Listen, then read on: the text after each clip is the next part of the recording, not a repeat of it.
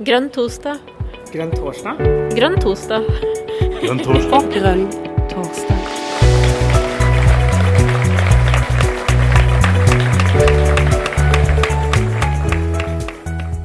Hei. Ja, som Karina allerede har sagt, så heter jeg da Aurora, og er folkevalgt for Miljøpartiet De Grønne i Trondheim. Der er jeg nestleder i miljø- og næringskomiteen, og så jobber jeg også litt for bystyregruppa vår. Og jeg da, føler meg veldig heldig og privilegert som får lov til å jobbe med MDG-politikk. Eh, Vårt prosjekt er vår tids viktigste prosjekt, og det er så morsomt å holde på med.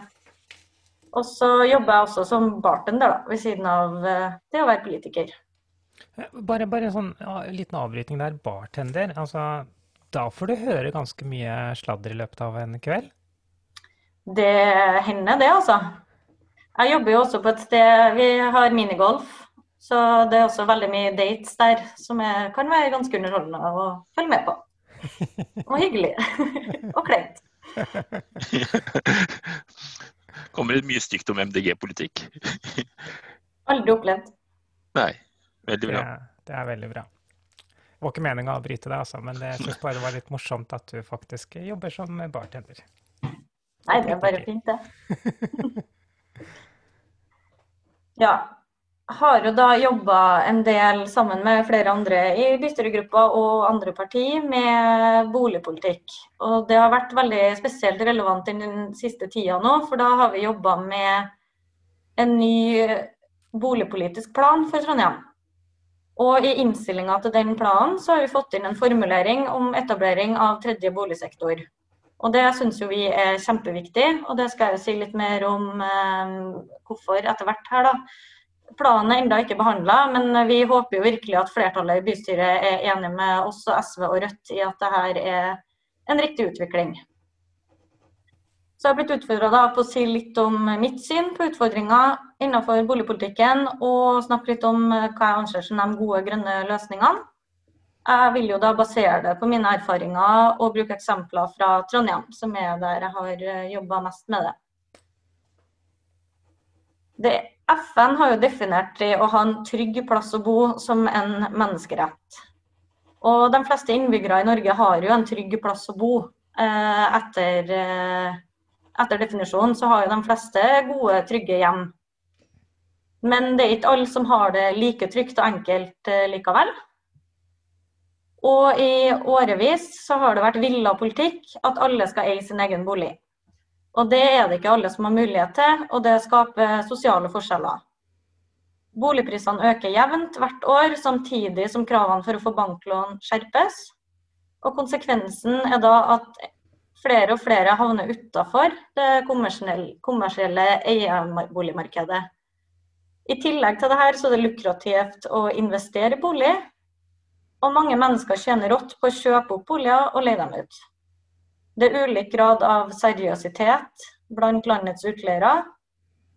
Selvfølgelig er det jo veldig mange utleiere i Norge som er seriøse og gjør ting veldig bra. Men vi har jo også veldig mye eksempler på det motsatte. Jeg har bl.a. i det siste fulgt med på nettaktivistene som har Instagram-kontoen Min drittleilighet. Og de legger jo daglig ut eh, bilder som følgerne deres deler av leilighetene sine. Og der er det kjempedyrt, det er mugg, det er store mangler. Det fortelles historier om utleiere som helt uten forvarsel låser seg inn i leilighetene til folk. Uten forvarsel. Og sånn kan vi jo ikke ha det. Og det spesielt i de tilfellene å tenke at boligmarkedet i Norge og alle bor ikke trygt. Sånn som jeg ser det, så må vi gjøre to ting.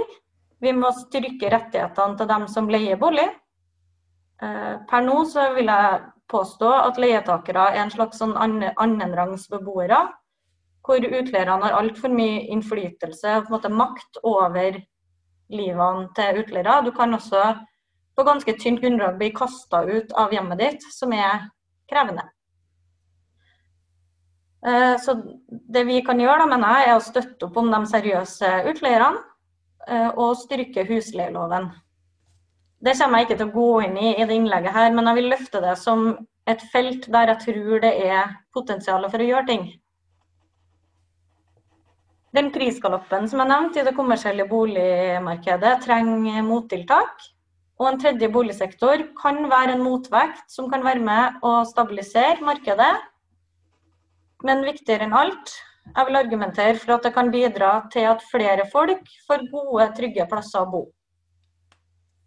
Denne sektoren må utvikles med tanke på dem som verken oppfyller elendighetskriteriet for å få strengt behovsprøvde kommunale boliger, eller suksesskriteriet for å kjøpe egen bolig. Her, her må du stoppe litt. Eh, elendighetskriteriet, kan du si. Hva, hva, er det for noe? ja, det kan jeg gjerne si litt om. For det er jo sånn at kommunale boliger er jo eh, tilbys jo til folk som av ulike grunner har vansker med å få til å bo helt på egen hånd. Det, det er hjelp til folk om, om det, det Altså Det er jo hjelp til folk som ikke klarer seg på egen hånd. Og sånn tenker jeg at det kanskje må være. Og i tillegg så er jo også kommunale boliger i hvert fall her i Trondheim og de fleste plasser tror jeg også en sånn midlertidig løsning. da. Det er ikke en tanke at du skal bo i en kommunal bolig resten av livet ditt. Du skal starte der, og så skal du få hjelp til å på en måte komme deg videre og stå på egne bein. da. Mm. Så, og suksesskriteriet, hva var det? Ja, eh, selvsagt. Det er jo for å kunne kjøpe egen bolig. Altså. For å kunne kjøpe egen bolig, og det kommer jeg litt inn på etterpå. Men, men det er jo ikke bare bare å få kjøpt seg sin egen bolig. I hvert fall ikke i byene våre. Så, så, så, så, du tenker at den tredje boligsektoren, den skal utvikles for å fange opp de som ikke har det elendig nok til at de får behovsprøvd kommunal bolig, men likevel ikke har nok suksess til å kjøpe egen bolig?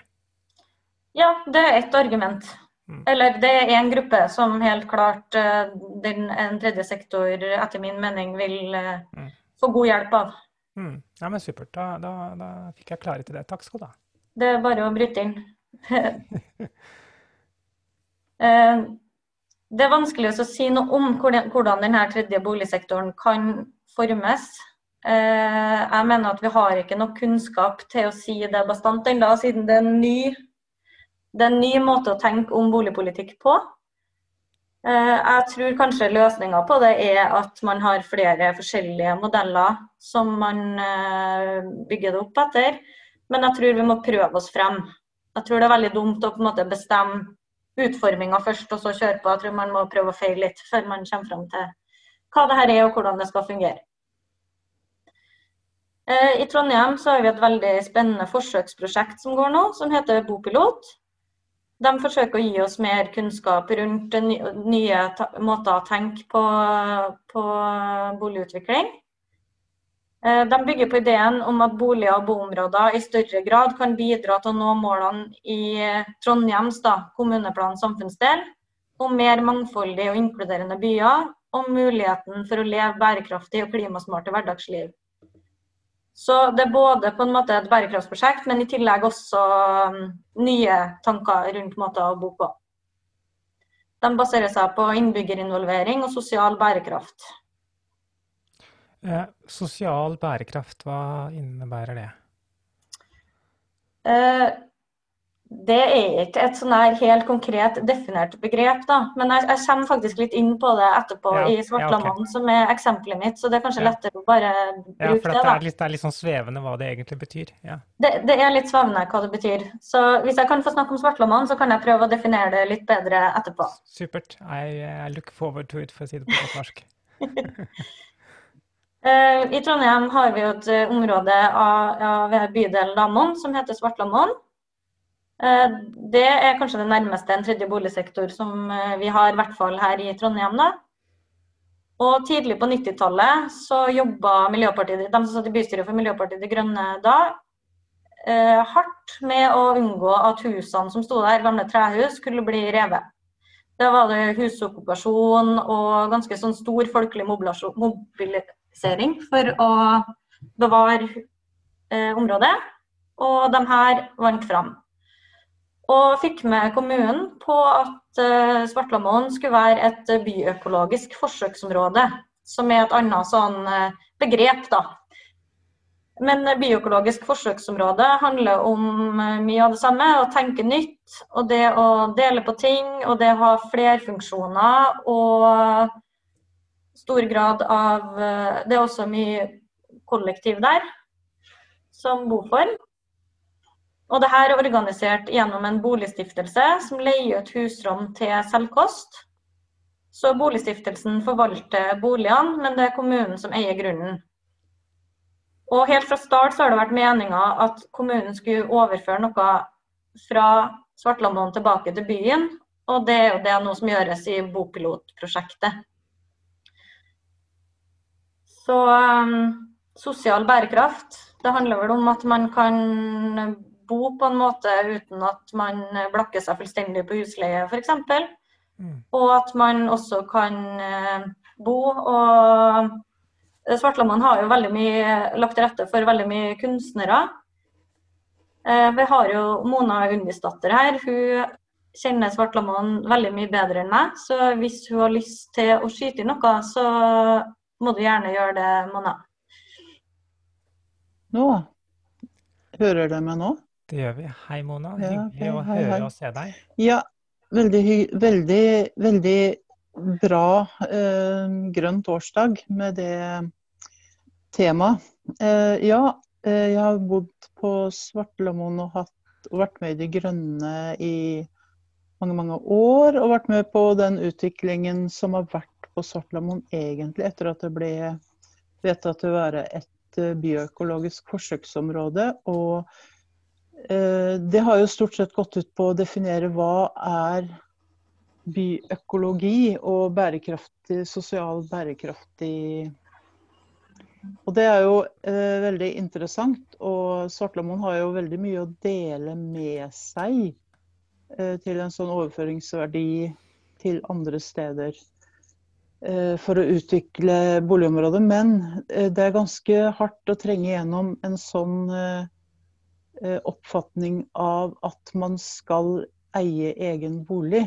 For det er det som er tanken i Norge, at alle skal eie egen bolig. Og det er den eneste eneste saliggjørende måten å bo på. Så alt er jo eh, sikta inn på det. Men eh, alle andre land som jeg i hvert fall vet om, som f.eks. Sverige, som jeg er veldig godt kjent med fordi jeg er vokst opp der og har bodd der og har mange venner der. Eh, der er oppfatninga av det å eie egen bolig en helt annen. Uh, og de kan ikke skjønne hvordan, hvordan, Det er oppegående akademikere jeg kjenner som ikke forstår hvordan får dere det til å gå i hop.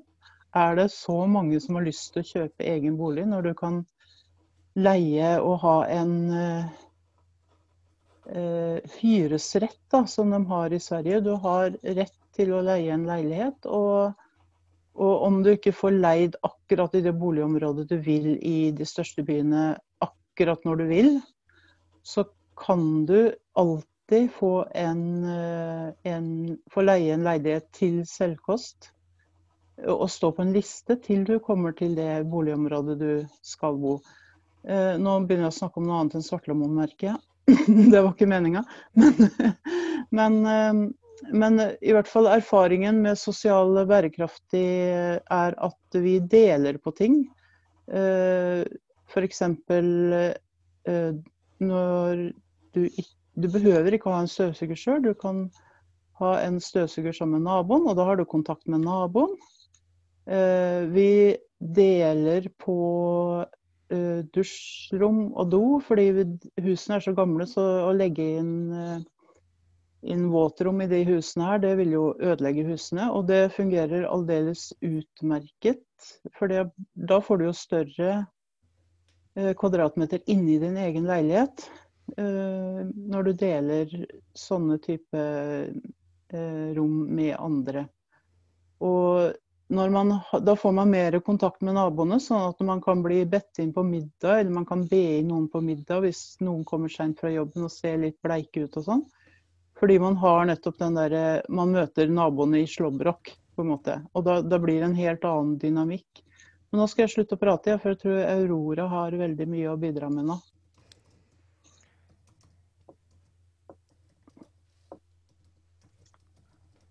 Takk, Mona. Håper det var greit, Karina, at jeg henta inn eh, Mona litt her. Ja, ja, selvsagt. Det var jo Jeg syns det var fine perspektiver også. Og, og den, den, lille avstikkeren til leiemarkedet tenker jeg var på sin plass, jeg, Mona. Så jeg takker for det. Det som også er litt spennende, er at i Trondheim så har det dukka opp et annet sånn der innbyggerstyrt initiativ, der eh, de har oppdaga noen tomme kommunale boliger som har stått tom over lengre tid i et veldig fint eh, område, ganske sentrumsnært. Så de har etablert Fargemarka boligprosjekt og prøver å bli enige med kommunen om å få lov til å bruke de her husene og de må tenke litt sånn i samme baner som Svartla Måndal, litt sånn samme type å bo på. Og det har jo selvfølgelig vi støtta.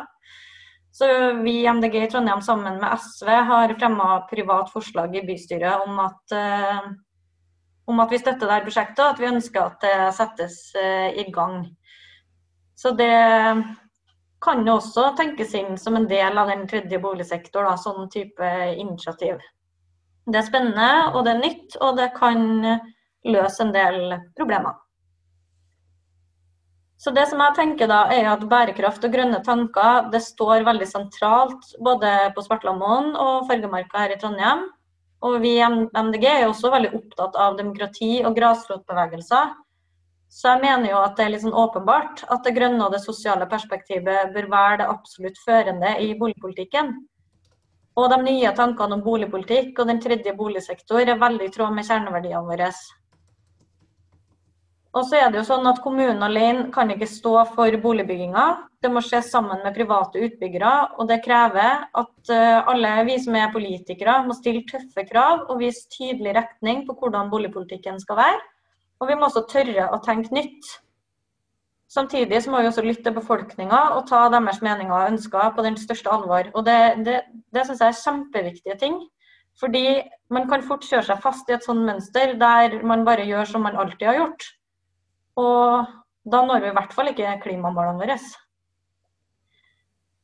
Eh, jeg mener at tida er nå for å sikre at innbyggerne har trygge plasser å bo. For å få til det, så mener jeg at vi trenger en tredje boligsektor. fordi eh, sånn som boligmarkedet nå, så det funker jo ikke så veldig bra for alle. Og jeg tenker at den f.eks. kan utvikles som utleieboliger til selvkost som på Svartlamoen. Men det er også veldig spennende prosjekter som går nå på sånn eh, leie til eie, der du på en måte kan eh, ta over en bolig, og så leier du den eh, så lenge du trenger for å på en måte ha betalt ned egenkapitalen. Og så kan du sette pant i egen bolig og så kjøpe den ut, sånn at du eier den. Og da slipper man den her, her, de store kravene til å spare opp egenkapital, som mange, i hvert fall innenfor min bransje, barbransjen, ikke engang har råd til å spare opp. Og man slipper også den urettferdigheten om at de som har familie eller noen de kjenner som kan kausjonere, eh, ikke får kjøpt seg, mens de som har det, får. Det er jo grunnleggende urettferdig, mener jeg, at hvor du kommer ifra skal avgjøre hvor, du, hvor godt du lykkes med anførselstegn i boligmarkedet. Mm. Og, eh, jeg mener at en tredje boligsektor kan være med å skape stabilitet i det kommersielle markedet. Men det kan også presse ut useriøse utleiere på utleiemarkedet. For det vil gjøre det Det vil gjøre det på en måte kanskje mindre attraktivt å leie privat, når man kan eh, leie boliger til selv, selvkost som enten kan være stiftelser, eller det kan være private som driver med det, eller det kan være kommunen. Vi i MDG mener jo også at vi må samarbeide og leve mer, noe som går veldig godt overens med tanken om en tredje boligsektor. Har man et marked som ikke gjør at folk i samfunnet til gjeldsslaver, så vil det muligens åpne opp for mer fritid og mer overskudd til å være kreativ og kose og ha, gjøre det man ønsker, sånn at vi også kan eh, leve mer. Takk for meg. Veldig veldig bra, råd. Tusen eh, takk skal du ha. Det var en, uh, var en, bra innledning. Uh, jeg er litt sånn nysgjerrig på hva, hva er erfaringene med Svartlamoen så langt og Fragamarka? Kan du si noe mer om det? Altså, er det slik at folk liksom hyller dette som fantastiske prosjekter, eller er det, eller er det noen som sier at nja altså, hva, hva er feedbacken så langt? Svartlamoen har forandra seg veldig mye i oppfatninga til folk i det siste, har, er min oppfatning. da. Mm. Eh, Min oppfatning er at folk nå syns det som skjer der er veldig kult og veldig spennende. Og de har jo også hatt sånne eh, nå i det siste sånne prosjekter der folk har bygd sine egne, eh, egne rekkehus eh, til en veldig, veldig billig penge. Sammenligna med hva det koster ellers å bygge et hus. Og det, det prosjektet fikk jo en arkitektpris og, og sånne ting. Så mitt inntrykk er jo at eh, folk eh, liker det her og syns det er spennende. Og er med på denne tankegangen om å tenke nytt. da. Men igjen da, så er det interessant å høre hva Mona også tenker her. Fargamarka er jo på en måte fortsatt bare en idé. sånn at eh, Men det har vært en god del skriveri om dem i avisa, og det har vært positivt vinkla artikler. Mm. Eh, Men så ble det jo nevnt her eh, at i en del andre land så, så er på en måte leiemarkedet helt annerledes. Eh, Det er mer vanlig å, å leie. Eh, Trenger man en tredje boligsektor hvis man har et velfungerende leiemarked? Hva tenker du om det? Um, godt spørsmål. Jeg tror jo at vi fortsatt at vi må gjøre begge deler. Fordi jeg tror det vil ta enorm, enormt lang tid å endre det leiemarkedet vi har i Norge. For det er så etablert. Mens en tredje boligsektor tror jeg man kan få til raskere. Uten at jeg har så veldig velbegrunna på det. Men for jeg, jeg føler at tredje boligsektor inneholder mye mer rundt det å tenke nytt om det å bo, da. Og det med delekultur og det med at man kan bruke eksempler fra byøkologisk forsøksområde på Svartlamoen, og at man tenker litt mer helhetlig, da. Og tenker områder som egne velfungerende samfunn. Mm. Og det tror ikke jeg man får innenfor uh, utleiesektoren. Mm. Så er det sånn at det er ikke bare meg og deg og Mona her. eh, Det er flere andre som også har lyst til å si noen, to- noen ord. Eh, Jonas, eh, jeg har hørt rykter om at eh, du har tegnet deg. Ja, det ryktet stemmer. Eh, takk for innledninga, Aurora. Eh, vi holder jo til i samme by, og jeg følger jo med på den jobben dere gjør med en tredje boligsektor, eh, og er en varm tilhenger av det. Men det eh, jeg lurer på, da, er er dette på en måte Bør dette være MDGs fremste sak i boligpolitikken nasjonalt, eller er dette en, mer eh, en lokal politikk eh, for større kommuner, for større byer? Um, nå er det jo klart at en del av de utfordringene som kommer av at uh, leiemarkedet er så lukrativt som det er, da, det gir jo mest utslag i byene. Men eh, har du noe perspektiv på det? Er dette, en, er dette vår fremste boligsak nasjonalt, eller er det en lokalsak? Eh, nei, jeg har, jeg har tenkt på det som en lokal sak, egentlig. Og at det er mest eh, aktuelt for de største byene. For det er her vi har mest press og høyest eh, boligpriser, så vidt, vidt meg bekjent. da. Så, og det er også i byene det kreves i større grad av oss at vi må bo tettere også. Så, men, så jeg tror kanskje ikke det er den fremste saken å fronte nasjonalt. Nasjonalt tror jeg kanskje vi heller må snakke om mer sånn helhetlig Eller altså leietakers rettigheter, tror jeg min anbefaling ville ha vært nasjonalt. Men nå har jeg jo ikke snakka med noen av dem som jobber der, med hva de tenker. Så det kan nok godt være at noen har tenkt mange flere lure tanker enn meg akkurat på det feltet også. Ja, altså det um, Ja, jeg, jeg, jeg, mener også, jeg mener jo det personlig, at det, det er nok eh, i større grad en lokal sak. Altså, på nasjonalt nivå så syns jo iallfall jeg at man må begynne å snakke om boliger som et finansobjekt. Fordi det er jo på en måte eh, det det blir eh, i byene. Jeg sitter jo her på Møllenberg i Trondheim. Av de, en av de bydelene med aller høyest konsentrasjon av utleieleiligheter.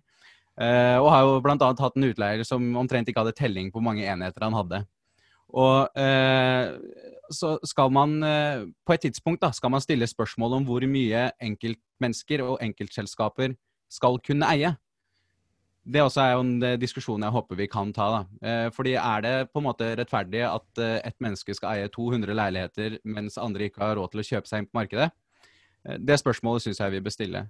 Og så er det jo dette med leie kontra eie er jo delt. Og det er jo riktig som det blir sagt at å ha et boligmarked med så stor eh, overvekt av eiere som vi har i Norge, det er jo litt utypisk. Men det er jo også på en måte en del av eh, frihetsmaskinen, da. Den norske frihetsmaskinen. At man ikke er avhengig av eh, en eh, leietakers Nei, en eh, utleiers godvilje, f.eks. Eh, så eh, vi, vi må ha en tredje boligsektor, men vi må jo også prøve å fikse de to vi har fra før. Det er det jeg tenker. Vi, vi, vi kan ikke slå oss til ro med at eh, vi skal ha ett marked for noen og et annet marked for noen andre. Me- mener jeg iallfall. Vet ikke om det er noen eh, tanker om det. Da er det jo sånn da, folkens, at det er lov å bruke den raise hand-funksjonen her, eller melde seg på i chatten hvis man syns det er vanskelig å finne den raise hand-funksjonen. Um, så, så eh, er det lov å liksom å tegne seg til replikker og hele pakka. Uh, Marita, du har tegnet deg, vær så god. Jeg klarte ikke å se på PC-en min om den var løfta eller ikke. Men hei, Marita heter jeg, for dere som ikke har møtt meg før. Um, Jeg syns det var veldig interessant å høre om Svartlamoen. Um, Bare for å si litt om min, min bakgrunn på bolig. Jeg begynte å jobbe med bolig i kommune i 1995 som student. Eh, Da var jeg inne som prosjektsekretær først, eh, og senere var med å utvikle de første prototypene på disse boligsosiale handlingsplanene. Så vi fikk eh, penger fra Husbanken til å utvikle det konseptet, som senere har kommet i alle kommunene rundt omkring. Og vi lagde også sånne håndbøker i alt mulig for å bosette store barnefamilier og eh, personer med funksjonsnedsettelse, rus, psykiatri osv. Um, og jobba med det helt fram til Ja, så ble det mye bredere etter hvert, men frem til 2009. Og så har jeg jobba med integrering og velferdspolitikk i staten etter det. Men jeg har fulgt dette området veldig, veldig lenge. Eh, og jeg syns eh, Svartlamoen er, er jo en gjenganger. Den er jo kjent. Eh, så det er veldig fint å få liksom høre litt mer fra innsida. Eh, og så må jeg jo legge til at jeg både har bodd i en sånn falleferdig en av disse byfornyelsesgårdene i Oslo, eh, hvor vannet frøs til is i dusjen. Eh, Jeg har bodd i kolonihagehytte i Oslo. så ha litt sånn eh, bred erfaring på også privat hvor man bor. Så jeg tenker jo at litt av det der tredje boligsektor i Norge, det som du snakker om, det, det finnes jo rundt omkring. Både leie-til-eie-modeller, Housing First. Eh, alle vi som bodde i kolonihagehyttene våre og leide ut eh, leiligheter. Og jeg har vært veldig forkjemper for at man skal slutte med det der rentefradraget på de som eier mer enn én bolig. Du er ikke nødt å få et rentekutt for mer enn den boligen du har sjøl. Og har du lyst til å eie 200 boliger, da, så skal du i hvert fall ikke få masse rentefradrag for å kunne leie ut til studenter og sånn. Og så har jeg jo vært på besøk i disse eh, drabantbyene eh, med hyresrett i Sverige, flere av de. Um, og det er, jo, det er jo ikke sånn at det går bare godt der heller. Eh, ja, de har tilgang til leieboliger, men det er jo det er dessverre også grobunn for litt sånn Det har sine bakdeler. Det kan bli litt sånn grobunn for korrupsjon, at det blir litt sånn penger under bordet for å få tak i en hyresrett. Og det hadde vi jo i Oslo også under disse Hva heter de um, Og disse leie, leilighetene som var sånn regulert leie, som ble avvikla. Vet ikke om dere husker det? Om dere er så gamle som meg, så husker det. Eh, det ble jo Ja, Leiligheta kosta kanskje 800, men du måtte betale mer. Eh, Ja. Det var jo, Men det- var jo men det sånn vi er frem til, 80-tallet. At jeg er enig med han, det Jonas sier, man både jobber med å Det skal være så lønnsomt å, å, å leie ut. Eh, og så skal det jo være mulig for folk å kunne leie en bolig. Det er jo ikke alle som vil leie en bolig.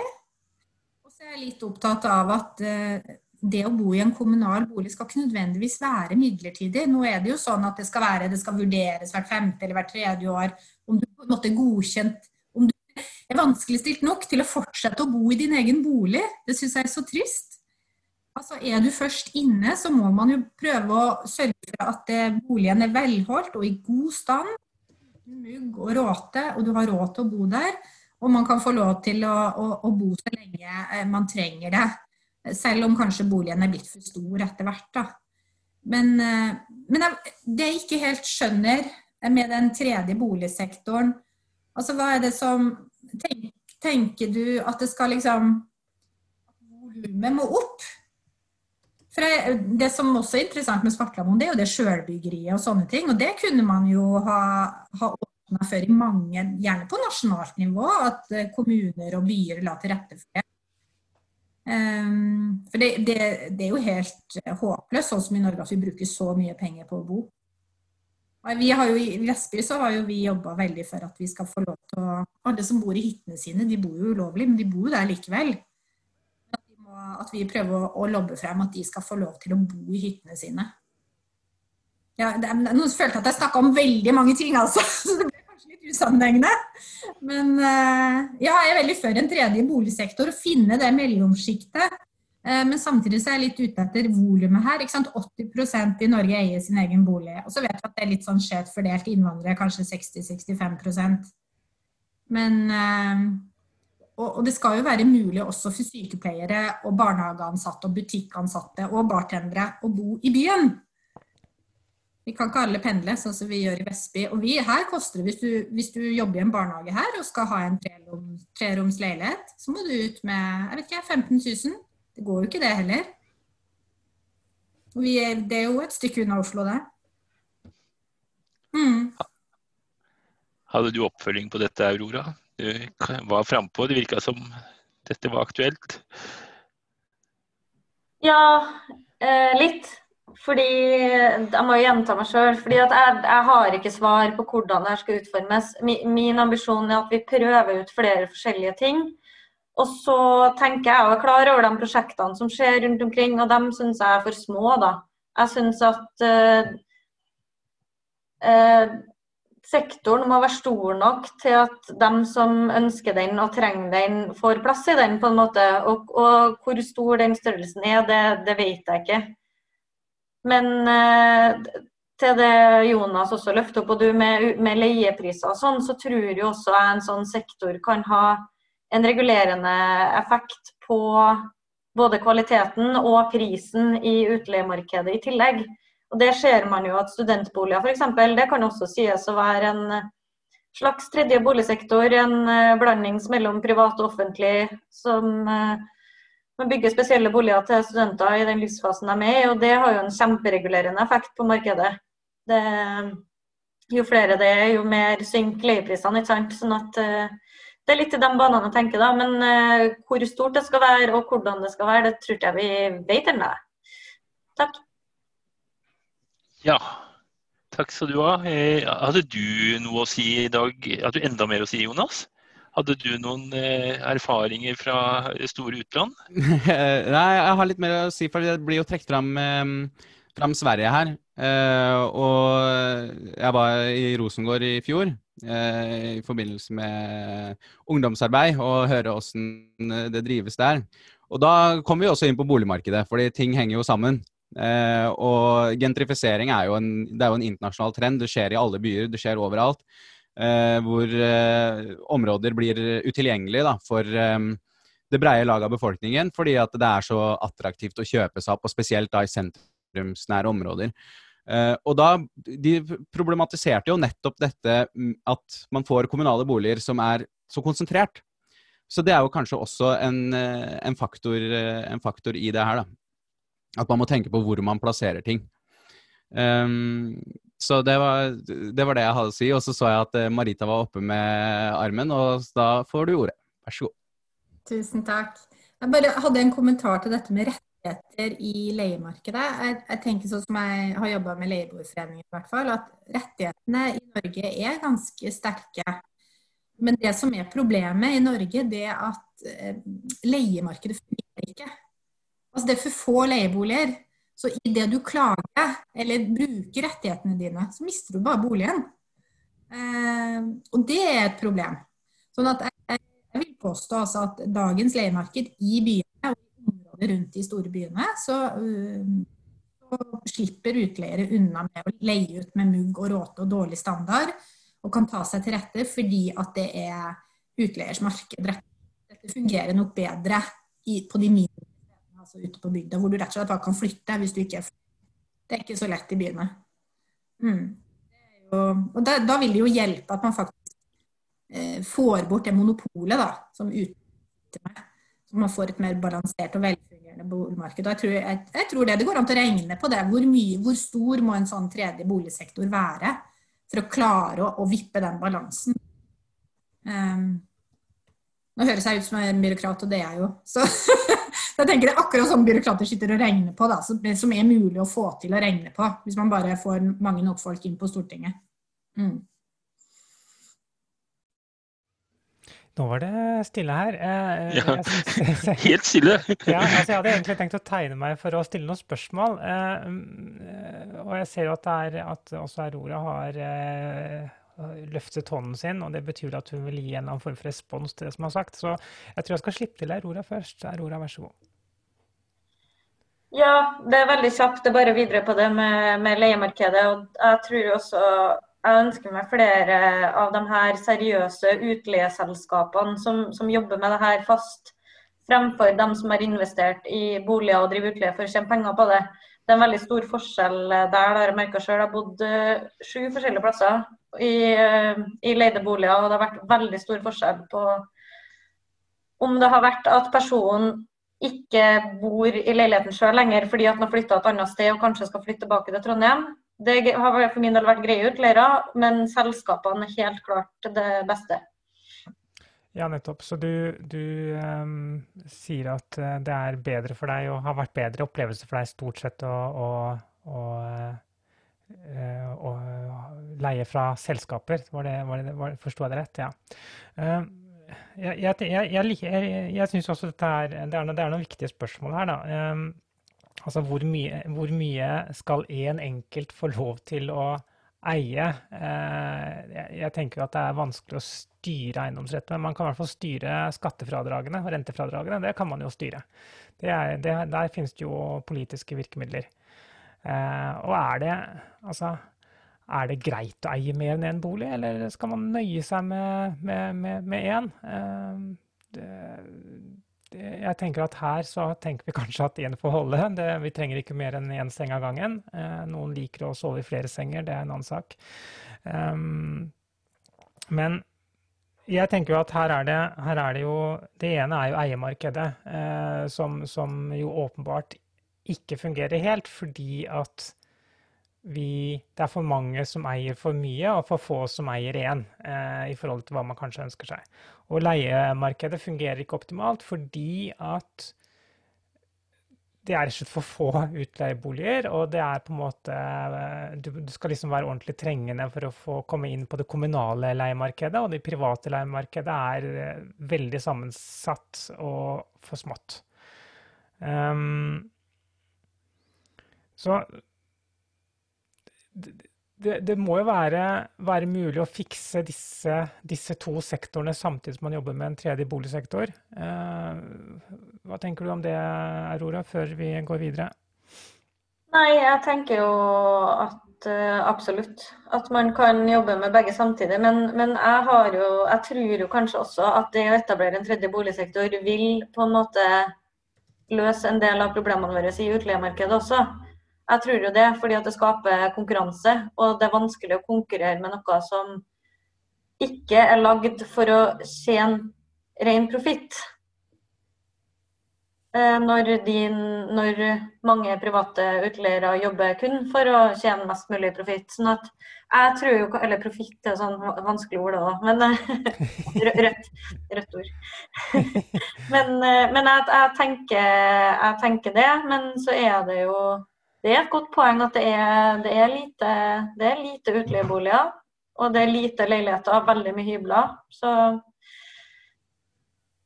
Eh, akkurat det med hyblifisering og sånn har også blitt løfta som en utfordring. da, Men har, det har vi prøvd å gjøre noe med i Trondheim. At enkelte områder får veldig stor andel av hybler. F.eks. der Jonas bor, på Møllenberg. Men der har kommunen veldig lite virkemidler. Så det er jo også noe kanskje kommunene skulle ha fått flere virkemidler for å regulere sitt eget boligmarked. Mm. Men jeg personlig har ikke noe problem med at enkelte folk kjøper flere boliger, men jeg, ikke det, jeg er enig med det som blir sagt her, at det skal ikke være lukrativt, og du skal ikke få alle de her skattefordelene. Det syns jeg er urettferdig. Selv om det i enkelte tilfeller kan være naturlig å ha flere boliger også. Hvis man f.eks. jobber en plass og bor en annen plass. Jeg vet ikke. Yes. Eh, jeg tar, eh, tar ordet. Eh, litt oppfølging på det du sier, Karina, om eiendomsretten. Den er jo hellig. Den er vanskelig å gjøre noe med. Og det, det, det forstår jeg òg, er enig i det, at den er viktig å verne om. Og så er det jo ikke Når jeg stiller spørsmål om vi på et tidspunkt skal sette ned foten da, og si at vet du, så mye bør ikke folk eie, så er det jo hvordan vi gjør det. Da er, nok, kanskje, da er det jo skattesystemet som eh, på en måte er eh, det virkemidlet vi har for å gjøre det. Um, og da er man jo ikke ute etter de som har eh, kanskje en leilighet og et eh, hus, eh, og kanskje et hus til. Det er jo ikke snakk om de som eier ti, men det er snakk om de som eier hundrevis. Måte, jeg tror det er de vi må gjøre noe med, fordi vi må ha flere boliger i sirkulasjon. Og sirkulasjon er jo et nøkkelord her. fordi at når boliger er finansobjekt, Eh, så stopper jo det eh, kapitalflyten i, eh, i, økonomien. Og det er jo heller ikke noen, en bra ting. så kanskje er det jo da verdier som vi gjerne skulle hatt investert i ting som faktisk skaper noe, arbeidsplasser. som i stedet for står da i, i bygårder som forfaller fordi leietakere ikke har insentiv til å vedlikeholde det, det området de bor i. da.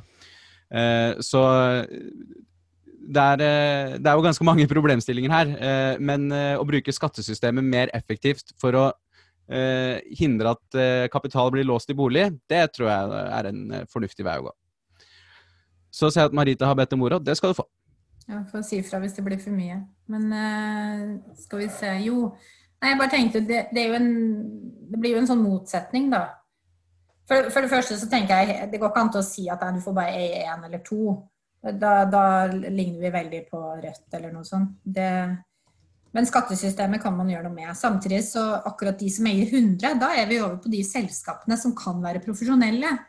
Eh, så, sånn at man kan kanskje heller prøve å se på litt sånn à la dette med barnehagediskusjonen. Hvor mye profitt kan du ta ut, da? Eh, før man sier at nå får du ikke lov til å ta ut mer profitt, nå skal dette pløyes tilbake til dine leietakere eller sånne ting. Eh, det er jo én vei å gå. Um, og samtidig så Det var et eller annet Aurora sa som jeg stussa litt på. om om jeg husker det nå. Um, hva var det du sa? Hva snakka du om igjen? nå datt jeg litt ut. Eh, Men det var et eller annet som jeg ikke helt fikk Nei, ja, nei, det var mye mer detaljert enn det. Men det var et eller annet som skurra litt. Eh, kanskje det kommer til meg tilbake. Jeg har sagt ganske mange ting, nå, sånn at det er litt vanskelig å vite hvilken ting du etterspør. Så prøv å huske det, for nå ble jeg nysgjerrig. Ja, nei, det var et eller annet som jeg tenkte det stemmer ikke helt. Men eh, hva var det? Jeg skal si ifra hvis jeg kommer på det. Skal jeg løfte hånda mi igjen? Ja, gjør det. Gjør det. Og så var det Vidar hadde lyst til å kaste seg på. Ja, gjerne det. Jeg er jo en av de få som eh, har veldig stor tro på å leie. Eh, og har jo veldig stor tro på det ikke-kommersielle boligmarkedet. Og, og, Her er noen korte refleksjoner om hvorfor. Fordi at eh, det virker som om nordmenn er i en slags kollektiv psykose som sier at lykke er å eie egen bolig. Og vi har alle vært på, i noen uformelle settinger der vi treffer kjente, og så sier vi vet du hva, jeg kjøpte for tre millioner. Nå er den verdt fire millioner.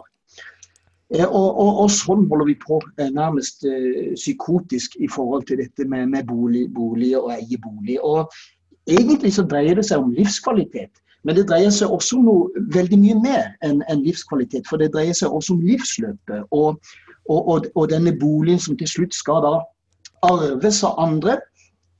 Så, så det er noen sånne utilsikta hendelser her. Jeg har hørt noen tall om at når en nordmann dør, så, så etterlater den personen seg eh, ca. 3,5 million kroner i, i formue og, og eiendom. Eh, og så kan man jo si det, ja, men det er jo så fint at barnet må jo ha noe, barnet skal jo få noe. Nei, altså når man dør så er barnet ikke barn lenger, da er barnet 50 år gammelt. Eh, og, og, og, de, og, de, millionene som en 50-åring arver i dag, går ikke inn i et bærekraftig skal vi si, et konsept og en, en sirkulær tankegang. Det går til fråtsing og, unødvendige ting. Så bare som en slags eh, liten artig sak kanskje for dere, så sånn som jeg skal organisere mitt liv og mitt livsløp, så er det jo det at eh, jeg kommer på et tidspunkt til å, å selge eh, alt eiere har, og så kommer jeg til å fri de midlene til, til det livet som jeg lever. Eh, og, og, og, og, kan styre. Og, man kan jo bruke denne kraften til å dyrke lidenskap, være medmenneske, fritid. Så det er enorme muligheter her. Så dette er kanskje noen eh, refleksjoner som ikke hører hjemme i, eh, i det hele tatt i denne i, i, denne lille seansen vi har her, men der fikk det uansett, da. Tusen takk. Det var noen eh, deilige refleksjoner, Vidar. Takk skal du ha. Eh, det var, eh, det var godt å høre. Marita, da har du fått hånden din opp i været igjen. Tusen takk. Da har jeg kommet på Tusen takk, Vidar, først og fremst for ditt innlegg. Jeg er helt enig med deg, selv om jeg sjøl bor i et fint hus og har arva penger men jeg er da også foreldreløs eh, og er ikke blitt 50. Så de eh, pengene gikk inn i det gamle, fine kulturminnet som jeg bor i. Men, og veldig glad for det. Men Aurora, jo, du sa det. At der hvor Jonas bodde, så var det så mange hybler, og kommunen hadde ikke nok virkemidler for å styre hvor mange boliger eller hybler som skulle bygges på et sted. Men der tenker jeg jo at mange kommuner har det, men de bruker ikke de virkemidlene. Fordi at i eh, gjennom reguleringsplanene så kan jo kommunen styre hva som skal bygges. Eh, og hvis du skal dele opp en boenhet, det er jo mange som har gjort det, særlig i Oslo, eh, boenhet i to, tre, fire hybler. Og hvis de gjør det og søker om det, så har jo kommunen mulighet til å si nei og styre eh, hvor mange. Men de kan ikke styre hvor mange som skal bo i bofellesskap, da. Det, så langt kan ikke kommunen gå. Men altså, Larvik kommune har jo jobba f.eks. veldig godt med dette her når de legger ut nye boligfelt. Så sier de at vi skal kjøpe tilbake 10-15% det skal bli kommunale, gode, nye boliger. Eh, og så styrer de det eh, med eh, helt fra før av. Og når de nye innbyggerne som trenger kommunal bolig der, de skal flytte inn i helt nye, fine boliger. De skal være spredd rundt omkring i Larvik. Så det er noen kommuner som, som har fått det til. Men, men, de er jo ikke en studentby, da, som har et helt annet press på, på hybelmarkedet. Sånn som Oslo, Trondheim og Bergen. da. Eh, men da kunne man jo sett litt på politisk på plan- og bygningsloven, da, om man kunne fått til noe der da, på reguleringssida. Eh, for å klare å styre litt av dette her. Eller så kan man jo styre det ved å bygge rett og slett gi flere penger til å bygge gode studentboliger. Eh, for da kan man jo styre hvor studentene skal ligge. Det er jo mangel på studentboliger i de aller fleste, rundt de aller fleste store universitetene i Norge. God innspill, eh, Marita. Da ser jeg at Mona har eh, handa oppe, og da får eh, du ordet. Og så får Aurora ordet etterpå. Jeg syns han Vidar var inne på noen ting med det der med et hjem og et bomiljø framfor bare investeringer. For nå virker det som både de som bygger boliger, og de som eh, investerer i boliger.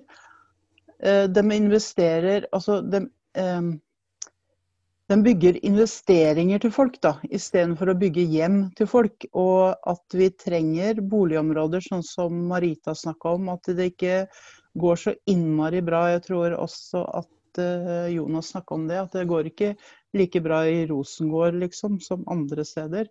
Men da trekker man jo fram de verste eksemplene. Men eh, jeg mener at man skal bygge og legge opp til gode bomiljøer hvor folk kan bo hvor lenge de vil i kommunale boliger, og at man blander kommunale boliger og utleieboliger. For det er jo sånn som noen har sagt her, at det er faktisk ganske mange som ikke er interessert i å binde opp eh, så mye penger i dyre boliglån, og ikke er interessert i å kjøpe bolig i det hele tatt. Det er ikke på kartet, liksom, fordi folk eh, jobber med Særlig de som jobber innenfor kultur og de som er utøvende kunstnere og sånn, de har jo ikke nubbekjangs på det boligmarkedet i de byene hvor de jobber. Og det har jo ikke sykepleiere eller de som jobber i barnehager eller sånne ting. Så utleieboliger, men da må det være offentlige utleieboliger eller seriøse boligselskaper hvor det ikke går an å ta noe Altså det er f.eks. på Svartlamoen så er det Boligstiftelsen som leier ut og da går det ikke an å ta noe under bordet, da. For da har du en kontrakt direkte med Boligstiftelsen, og du kan ha kontrakt direkte med, med kommune eller uh, utleieselskaper. Og da er det rett og slett ikke mulig å ta noe under bordet. Uh, så jeg mener at man skal bygge og innrette seg og med, med, med byplan og alt for å lage hjem til folk. For det er jo tross alt det, det er eh, Politikerne er jo valgt til å forvalte, sånn at folk skal klare å bo og jobbe, liksom. Så det, det sier seg sjøl at det, det er jo noe å tenke på, istedenfor å bare tenke i den der psykosen som eh, vi alle er i i Norge. Og det, det er å eie egen bolig. Det er det eneste saliggjørende i Norge. Og det er ganske absurd, egentlig, for det har jo vist seg at det funka jo ikke, da. Takk. Jeg skal svare på det Marita snakka om i sted. fordi da ble jeg egentlig veldig glad, fordi at det verste jeg vet, er å ta feil. Og jeg gjorde egentlig ikke det, skjønner du, fordi at Møllenberg er en litt sånn spesiell case. Der eh, det over lang tid har blitt kjøpt opp boliger som har blitt eh, Sånn at det er en litt sånn følgefeil. Det burde vært gjort noe tidligere, da. Men det det er lenge siden kommunen prøvde å begynne å jobbe med det. Og det de gjør er jo at de setter opp lettvegger og kaller det bofellesskap. sånn at eh, Det er jo der virkemidlene til kommunen eh, på en måte stopper. da. Så det er et godt innspill det med hadde vi bygd flere studentboliger, så hadde nok det vært eh, enda mer attraktivt. Um, og det er sjelden at de her boligene er til salg, for kommunen har også vært inn og, og kjøpt noen og prøvd å på en måte eh, At kommunen selv kjøper opp noen av eh, boligene og bygger dem til større enheter, gjerne for familier. da. Det vet jeg har blitt gjort på noen tilfeller. Men det er en liten sånn um, rett og slett en liten floke med hvordan vi skal løse akkurat området. Det er veldig trist, fordi at det er gammel, flott trehusbebyggelse. Og det blir jo heller ikke vedlikeholdt. Og mm, i hvert fall ikke i nærheten av det som det burde vært. Og nå har det jo også vært veldig interessant der, med, siden utelivsbransjen stengte klokka tolv i, eh, i fadderukene, så var det jo Altså, Midtbyen i Trondheim var egentlig Møllenberg i fadderuka, og det har sikkert Jonas merka. Det var, det var som å gå nedover en bargate i Syden der, liksom. De ukene. Så, så det, det, er det som gjøres da. Det settes opp lettvegger, og så er det bofellesskap. Og da har ikke, da har, da har ikke kommunen noe med det som gjøres. Takk. Ja, det er jo sånn at når, når, vi ikke skal fly så mye lenger, så er det jo fint at vi kan skape Syden der vi bor. Så det, det var jo veldig bra. Eh, men, men, jeg tenker, slipper, slipper liksom eh, eh, utleieselskapene litt billig unna her? Altså, de får veldig mye rosende ord. Jonas, har du noe syn på det? Ja, det har jeg. og jeg har jo litt motsatt erfaring av deg, Aurora. Når det kommer til å leie av utleieselskaper, så eh, har det for min del vært en dårligere opplevelse enn å leie av, eh, av, enkelt, eh, av enkeltpersoner. Og så er det jo den hyblifiseringa som foregår. Det er jo ikke, behov, det er jo ikke for å møte eh, Primært sett for å møte sånn som eh, mi, eh, mitt, mine behov. Det er jo om, det er jo firmaer som kjøper opp eiendom og tar en risiko, og så må de ha inntjening for å rettferdiggjøre at de har tatt den risikoen. Så den hyblifiseringa som skjer, det er jo eh, for å møte eh, det behovet, og ikke behovet for at folk skal ha et bra sted å bo. Og jeg mener at det, uansett eh, hvor, hva vi lander på sånn konkret, så er jo det er det jo det som må være hovedtanken. At folk skal ha et ålreit sted å bo. Og akkurat på den fronten der så er det ja, det, det, er for mange dårlige utleiere. Og så syns jeg den debatten her er litt vanskelig så fort vi begynner å snakke om uh, utleiere. For dette er jo ikke et angrep på dem, men det er angrep på et system som, uh, som tillater at uh, de kan opptre som rent spekulative aktører. Det er min kritikk av det. Takk skal du ha, Jonas. Og det tror jeg faktisk må bli siste ord, fordi at nå er tiden ute. Eh, så hvis det er noen som brenner inne med det nå, så er det litt synd. det var Jonas sånn. som fikk siste innlegg. ja, Jonas fikk siste innlegg. Jeg tror ikke det var meningen at han skulle kuppe det, men sånn ble det. Eh, tusen, tusen takk til alle sammen for uh, fantastisk engasjerende samtale rundt, rundt, den tredje boligsektoren. Ble vi noe smartere, Jon? Ja, det var eh, flere forskjellige vinklinger. Det var veldig bra. Og jeg, jeg lærte noe. Jeg bor jo på bygda og har liksom ikke sånne Dere ser hvor jeg bor en, i bakgrunnen der. så det er liksom, Jeg ser ikke nærmeste nabo og sånn, så det er liksom en helt annen virkelighet enn å bo i leilighet i byen. Jeg har jo gjort det også, da. Men uh, og vært innom disse fæle utleierne også. Selskaper og ja, diverse studentboliger og alt sånt noe. Mm. Dette var interessant. Mm. Men hvor skal vi hen politisk, det er jo en annen sak. Det, ja, men at det er utfordringer her, ja. At en mm. tredje boligsektor har god grønn politikk, det kan vi vel være enige om, kan vi ikke det? Mm. Det er vi.